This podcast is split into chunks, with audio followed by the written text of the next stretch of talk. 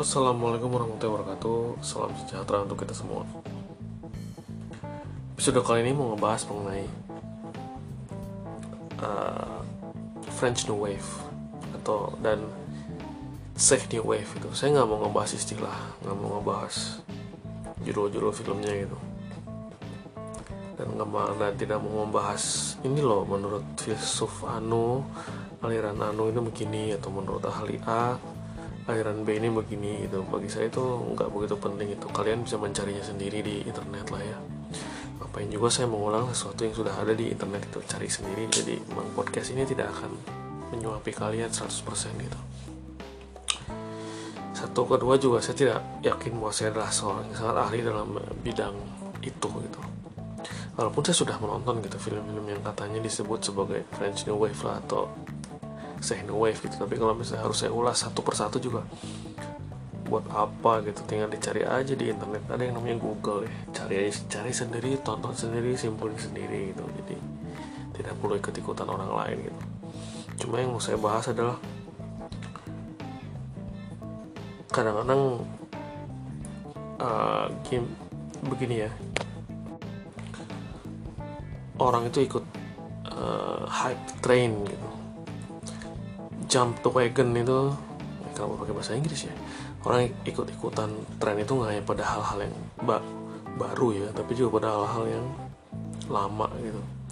Dan itu yang buat saya bertanya-tanya gitu kenapa sih kayak film-film Eropa klasik itu kayaknya laku banget di kalangan penikmat film Indonesia yang senang nonton film gitu. Kiblatnya tuh Eropa gitu apa-apa Eropa apa-apa Eropa gitu. Hmm, bahkan semakin aneh film dari Eropa yang mereka tonton tuh. Makin bangga gitu. Ya bagi saya aneh sih maksudnya. Dan melupakan bahwa di Amerika Serikat itu di Hollywood juga ada masa-masanya Hollywood klasik gitu yang menarik dan itu bagian dari sejarah juga gitu. Jadi terasa nggak lengkap gitu kalau misalnya dalam tanda kutip fasih gitu menceritakan film-film Prancis dari apa Jules at Jim terus misalnya 400 Blows tapi ketika melihat film-film klasik Amerika tuh hampir nggak pernah dan jarang gitu. padahal bahasa jauh lebih mudah gitu kamu nonton film Prancis atau film Ceko atau film Hungaria ya, tahun 60-an ya mau nggak mau kamu harus dibantu subtitle kan. Kecuali kamu seorang polyglot yang sangat jenius gitu. Dan kalau saya bandingin itu sebagian besar film-film Eropa pada saat itu kan dia berbicara dalam konteks gitu dalam konteks pada zaman itu gitu. Gimana orang bisa mengklaim mengerti gitu kalau ternyata dia nggak tahu sejarahnya apa gitu atau yang terjadi di Eropa saat saat itu apa gitu. Jadi nggak nggak bisa cuma asal nonton cuma biar di media sosial kelihatan keren gitu. Oh ya saya sudah nonton film Jules at Jim loh berarti saya berbudaya.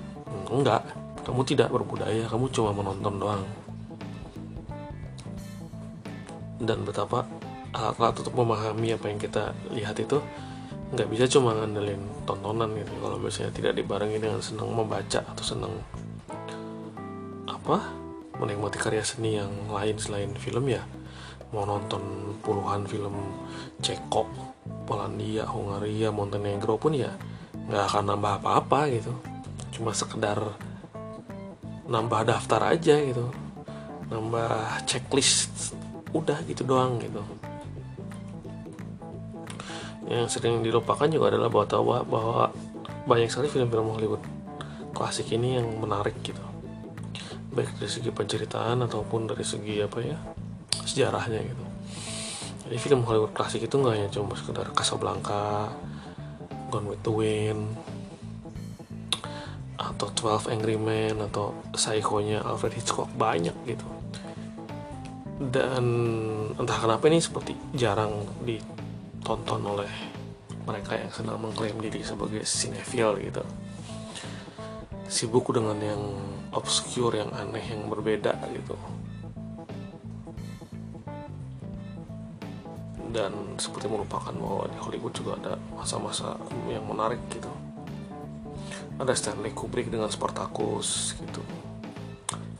Dengan Doctor Strangelove Lolita Doctor Zivago jangan lupakan juga ada Orson Welles gitu.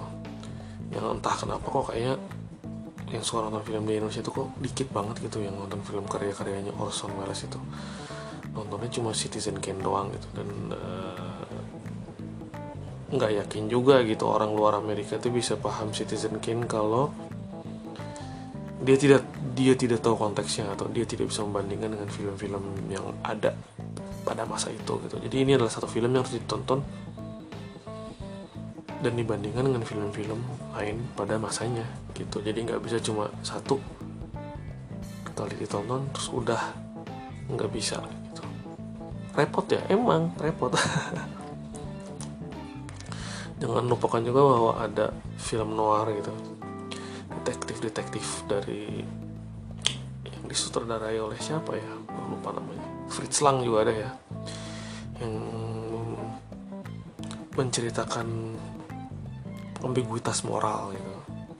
Ada double indemnity ada Maltese Falcon. Banyak lagi pokoknya yang mainnya Humphrey Bogart gitu banyak lagi itu yang menurut saya tuh nggak kalah menariknya daripada film-film aneh dari Ceko gitu atau dari Prancis gitu. Ditambah lagi ya film-film western gitu. Ada dari John Ford gitu dan ini tuh bukan western yang sederhana ya hanya sekedar baik versus buruk gitu tapi dia western yang menunjukkan kualitas gitu ada kualitas aktingnya ada kualitas ceritanya gitu seperti The Searchers dari John Ford gitu ada ambiguitas moralnya gitu dan walaupun ini bisa dikatakan mainstream ya karena yang mainnya John Wayne gitu tapi ini menunjukkan ya itulah pandangan sosial budaya warga Amerika Serikat pada saat itu gitu. Jadi untuk yang udah merasa bahagia gitu karena dia sudah menonton puluhan film Prancis, film Ceko, film Polandia, film Austria, film Italia apa gitu. Itu masih belum lengkap gitu. Kalau belum nonton ya film-film hitam putih dari Amerika Serikat gitu dan hanya karena filmnya berbahasa Inggris itu nggak usah ngerasa apa ya suka ada orang merasa gengsi gitu merasa harkat martabatnya turun gitu hanya karena wah ini filmnya mainstream gitu padahal yang namanya cerita ya cerita aja gitu terlepas dari dia mainstream apa art house gitu. Jadi nggak usah terlalu mengkotak-kotakan gitu hanya hanya mau menonton film yang hitam putihnya itu yang dari Polandia saja gitu. Padahal dari tempat yang lain juga banyak yang menarik. Jadi ya itulah inti dari ngalor ngidul saat ini adalah nggak usah terlalu merasa superior gitu hanya karena nonton film Eropa jadul gitu. Karena ada banyak lagi film Amerika serikat jadul yang belum kamu lihat dan kalau kamu menontonnya gitu kamu akan merasa tercengang gitu dengan cerita-cerita yang menarik gitu pada pada saat itu. Dan jikalau kalian adalah kaum yang malas nonton hitam putih karena tidak modern dan tidak kekinian gitu ya kalian kehilangan sesuatu, sesuatu yang amat sangat besar gitu ya. Karena kalau cuma ngandelin film-film yang festival sekarang juga ya terasa hambar gitu. Kalau dibandingkan dengan film-film zaman dahulu ya. Sekali lagi ya, ini, ini bukan argumen superioritas atau argumen merendahkan atau shaming atau apa. Semoga tidak di tafsirkan seperti begitu. Ini hanya sekedar unek-unek aja gitu bahwa nggak usah terlalu dikotak-kotakin gitu nggak usah terlalu merasa superior kalau udah nonton film yang terlalu jadul atau terlalu aneh. Namanya film ya udah film aja gitu. Oke sekian dan terima kasih